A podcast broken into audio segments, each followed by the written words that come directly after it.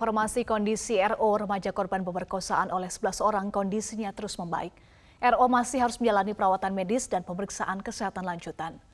Direktur RSUD Undata Palu, Heri Mulyadi, menyampaikan pasien RO saat ini dalam keadaan baik dan bisa melakukan interaksi. Meski demikian, pasien masih harus menjalani perawatan medis dan pemeriksaan lanjutan oleh tim dokter yang menangani pasien. Heri menyampaikan rasa terima kasihnya atas dukungan berbagai pihak dalam pemulihan pasien. Sementara terkait dengan rencana operasi di bagian reproduksi korban, Heri menyatakan pihaknya masih menunggu hasil pemeriksaan. Saya atas nama manajemen rumah sakit Undata eh, mengapresiasi teman-teman awak media yang mensupport ya pasiennya sehingga pasien ini eh, sedikit kemarin saya ngobrol lama bagus ceria ya.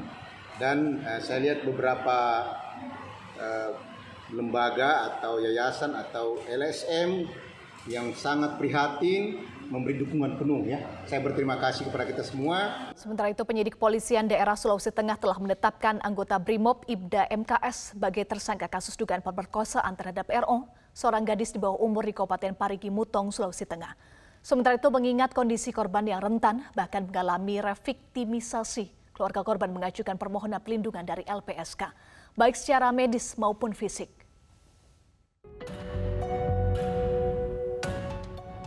Penyidik menetapkan Ibda MKS sebagai tersangka setelah mendapatkan dua alat bukti atas dugaan tindak kekerasan seksual terhadap RO, remaja korban pemerkosaan yang terjadi di Parigi Mutong.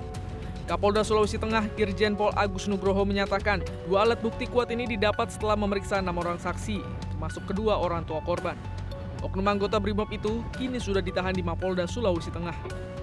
Agus menegaskan penetapan tersangka terhadap Ibda MKS ini merupakan bentuk keseriusan pihak Polda Sulteng dalam menangani kasus kekerasan seksual terhadap korban. Selain Ibda MKS, polisi sebelumnya juga telah menetapkan 10 tersangka lainnya. Para tersangka ini memiliki latar belakang profesi yang berbeda-beda, termasuk kepala desa, guru sekolah dasar, wira swasta, petani, hingga mahasiswa. Untuk mengembangkan hasil pemeriksaan dari korban, penyidik telah melakukan pemeriksaan terhadap beberapa saksi. Ya. Ada enam saksi dalam perkara ini, yaitu yang pertama uh, saudara Hasmi Ningsih, ibu dari korban. Kemudian korban sendiri, saudari RO, kemudian saudara Zulkarnain Oli, ayah dari korban, ini saksi-saksi yang dianggap mengetahui terkait perkara ini. Di sisi lain, keluarga korban kecewa sebab polisi malah menyebut kasus ini sebagai persetubuhan, bukan pemerkosaan.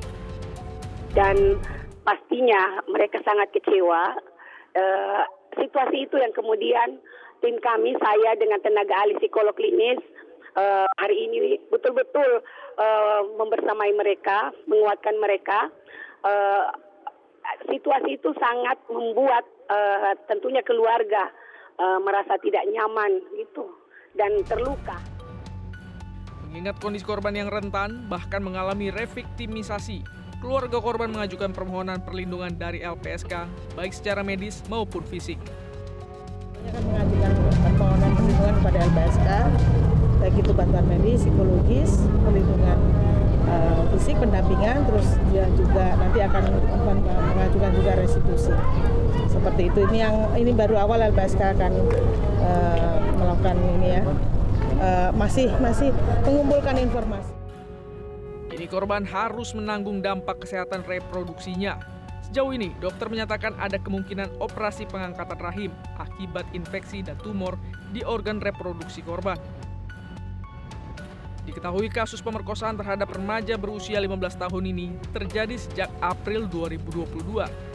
Pihak keluarga RO sudah melaporkan kasus ini pada Januari 2023 di Polres Parigi Mutong setelah RO mengalami sakit di bagian perutnya.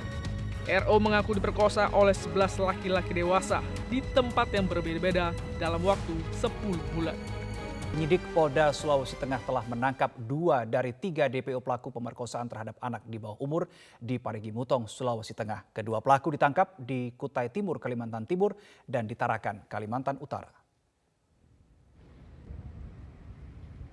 Kabit Humas Polda Sulawesi Tengah Kombes Pol Joko Winartono menyebut dua DPO yang ditangkap di wilayah Kalimantan adalah AA 27 tahun dan AS 26 tahun. Sementara satu orang DPO lainnya masih dalam pengejaran oleh polisi. Kedua pelaku AA dan AS ditangkap di lokasi berbeda. AA ditangkap di Kutai Timur, Kalimantan Timur dan AS ditangkap di Tarakan, Kalimantan Utara. Kedua tersangka kini masih dalam perjalanan dari Balikpapan ke Palu dan informasi terbaru kedua tersangka tersebut sudah tiba pada pukul 14 lewat 15 waktu Indonesia Tengah. Sebelumnya penyidik Polda Sulteng juga telah menetapkan seorang anggota BRIMOB Ibda MKS sebagai tersangka.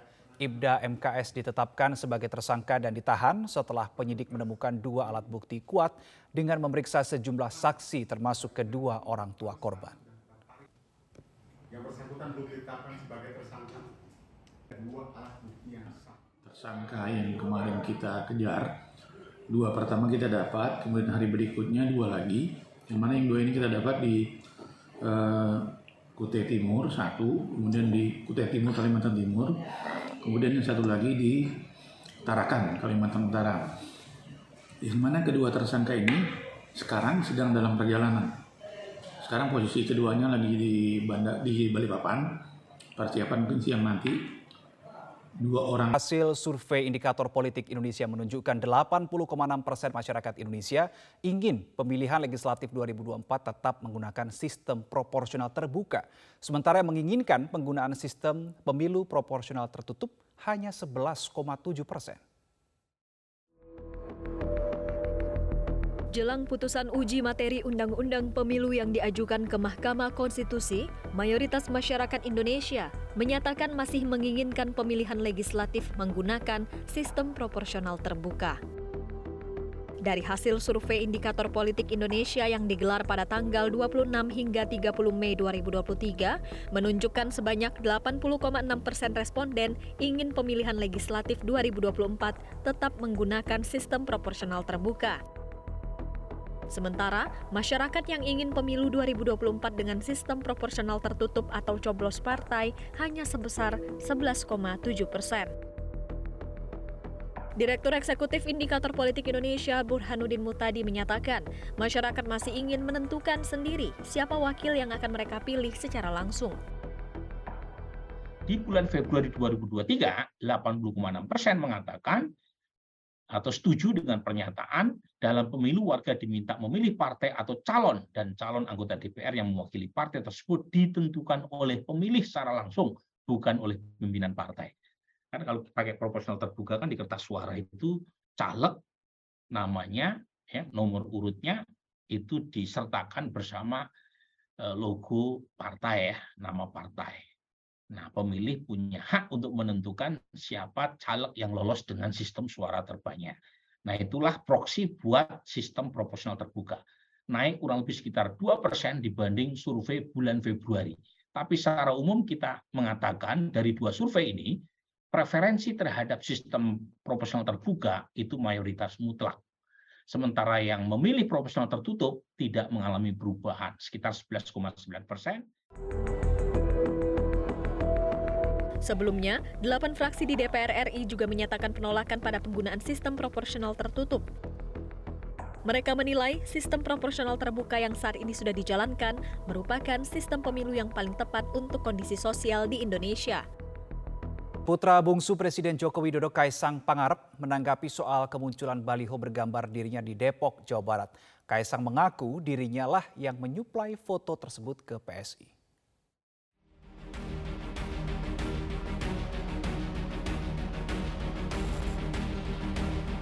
Baliho dan spanduk dukungan terhadap putra bungsu Presiden Joko Widodo, Kaisang Pangarep, untuk maju dalam Pilkada Kota Depok 2024 tersebar di sejumlah titik di Kota Depok. Baliho dengan foto Kaisang dan logo PSI itu bertuliskan PSI menang Wali Kota Kaisang. Menanggapi hal ini, Kaisang mengaku bahwa pemasangan baliho itu atas sepengetahuan dirinya. Bahkan Kaisang juga menyebut bahwa dirinya lah yang menyuplai foto-foto untuk pemasangan baliho.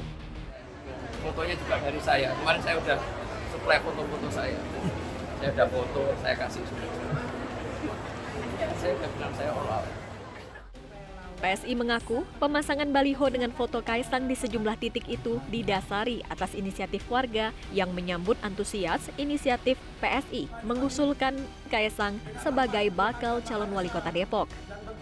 Politisi PSI Ade Armando mengatakan usulan Kaisang sebagai bakal calon wali kota Depok karena Indonesia saat ini butuh pemimpin muda yang terbukti kinerjanya sebagai seorang profesional saya berharap orang-orang seperti Kaisang atau juga Gibran kan sudah terbukti nih kakaknya di Solo kan sangat berhasil dia bisa menunjukkan seorang pemimpin yang berkualitas berintegritas. Nah, Kaisang memang kita belum kenal ya keterlibatannya dalam dunia politik.